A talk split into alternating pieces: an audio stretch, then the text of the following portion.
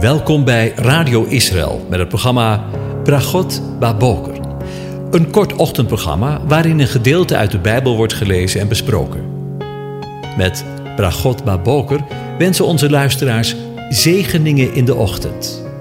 Presentator is Kees van de Vlist.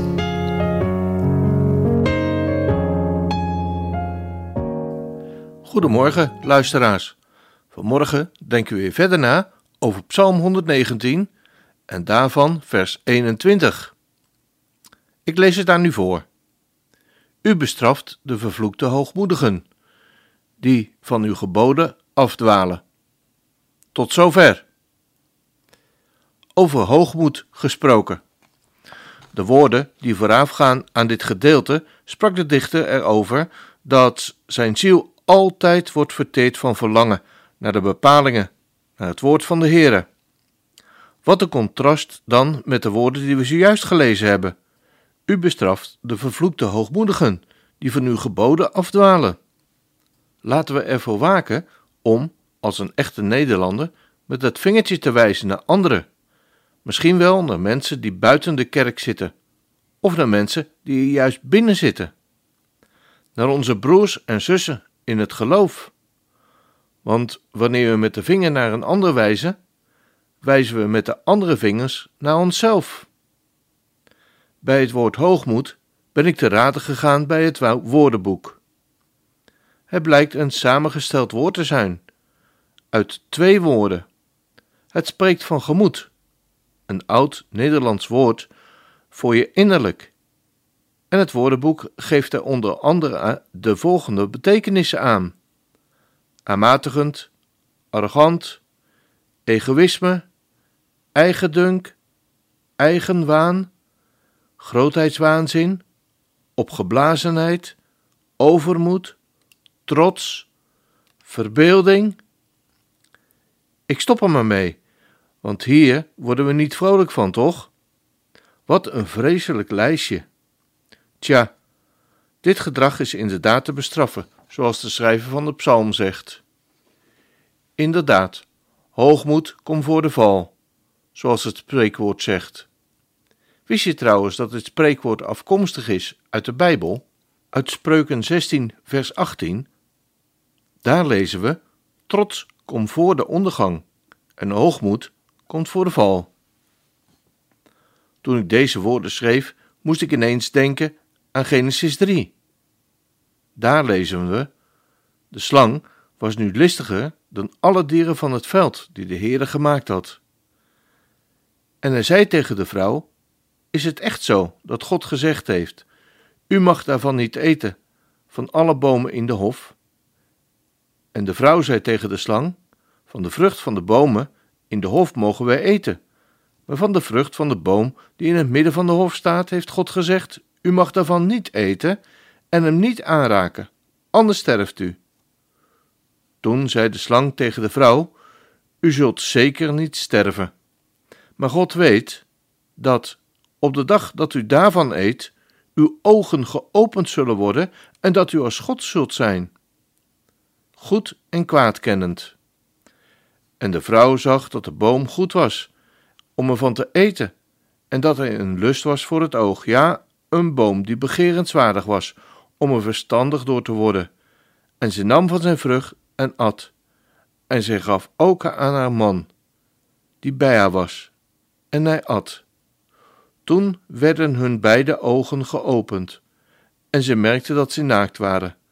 Ze vlochten bij vijgenboombladeren samen en maakten voor zichzelf schorten. Hoogmoed komt voor de val. Als je op zoek bent naar een illustratie en een illustratie wil hebben van dit spreekwoord, als je een voorbeeld wil hebben van de inhoud van dit spreekwoord, kom je uiteindelijk hier terecht. Honderden keren, misschien wel duizenden keren heb ik dit gedeelte gelezen, maar mij nog nooit zo gerealiseerd als nu wat hoogmoed werkelijk is. Wat de wortel van hoogmoed is. Als God willen zijn, een grotere, een diepere en ingrijpende illustratie van de tekst waar we vandaag over nadenken, ken ik niet. Trots komt voor de ondergang en hoogmoed komt voor de val. En ik moet erkennen, het zit diep van binnen in mij. Mag ik een persoonlijk getuigenis geven? In mijn jonge jaren was ik nou niet het stereotype van een student. Ik vond andere dingen in mijn leven veel leuker. Met pijn en moeite behaalde ik mijn diploma voor het voortgezet onderwijs en ging, toen ik 17 jaar was, al werken. Na wat omzwervingen en allerlei baantjes en mislukkingen kwam ik uiteindelijk bij een financiële instelling terecht, waar ik door hard werken uiteindelijk een goede baan kreeg. Het ging mij persoonlijk en ons gezin langzaam maar zeker steeds beter. En toen ik veertig was, behaalde ik uiteindelijk mijn HBO-diploma. Niet zomaar, maar als een van de weinige cum laude. En met mijn afstudeerscriptie was ik de enige oudere student die dat jaar genomineerd werd voor een landelijke prijs. Kun je je voorstellen dat ik trots op mezelf was? Eindelijk was ik iemand. De erkenning liet niet lang op zich wachten. Ik maakte carrière en werd een veelgevraagd spreker, en wanneer er problemen in het land waren, werd ik erbij geroepen om die op te lossen. Kun je je voorstellen dat ik trots op mijzelf was? Deze situatie duurde voort tot ik uiteindelijk besloot om voor mezelf te gaan beginnen. Een eigen zaak. Hoe mooi is dat? Ik kan je werkelijk vertellen dat alle mensen om me heen versteld stonden van de groei van het bedrijf. In heel korte tijd maakte ik dat door. Veel hoogopgeleide jonge mensen in dienst, allemaal een prachtige leaseauto, telefoon, laptop, kortom, een prachtig team. Kun je je voorstellen dat ik trots op mijzelf was? Totdat. Inderdaad totdat de crisis kwam. En we binnen een half jaar al ons personeel moesten ontslaan. En ik gedesillusioneerd achterbleef met een leeg kantoor. In de jaren erna heb ik wanhopig geprobeerd om er weer bovenop te komen, maar alles, werkelijk alles mislukte. Ons vakantiehuis werd verkocht. Ons prachtige huis, waarin we inmiddels woonden, in een van de betere woonwijken van de woonplaats waar we woonden, moesten we verkopen. De leasebak ging de deur uit en we trokken van huurhuis naar huurhuis, omdat we niet in aanmerking komen, konden komen voor een vaste plek.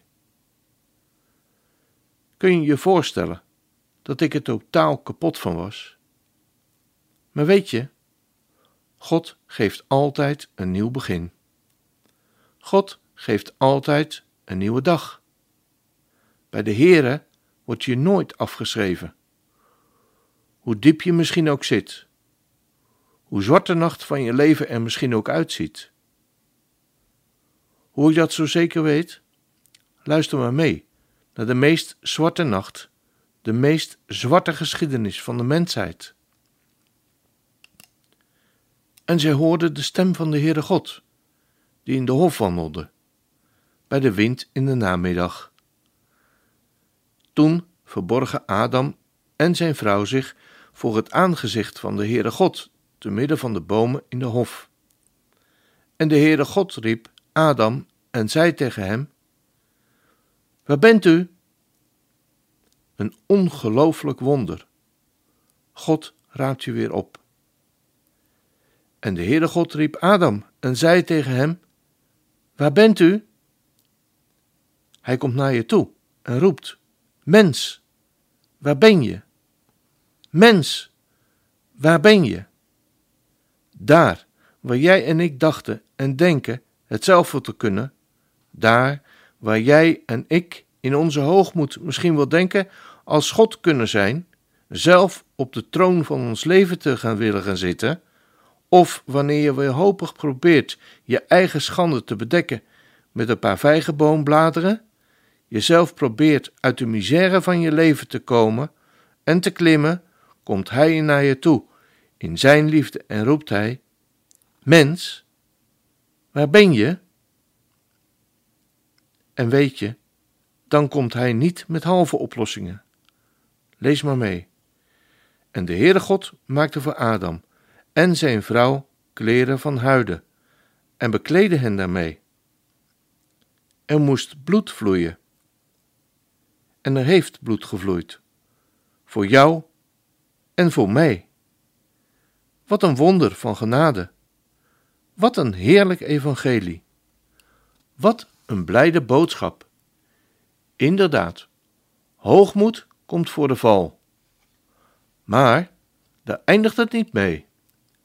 Want de Heere God maakte voor Adam en zijn vrouw kleren van huiden. En hij bekleedde ze daarmee. Tot zover. Ik wens u een van God gezegende dag toe.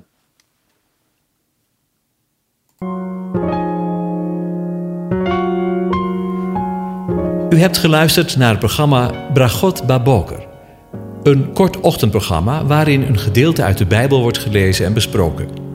Wilt u het programma nog eens naluisteren, dan kan dat. Ga naar radioisrael.nl en klik onder het kopje radio op Uitzending gemist.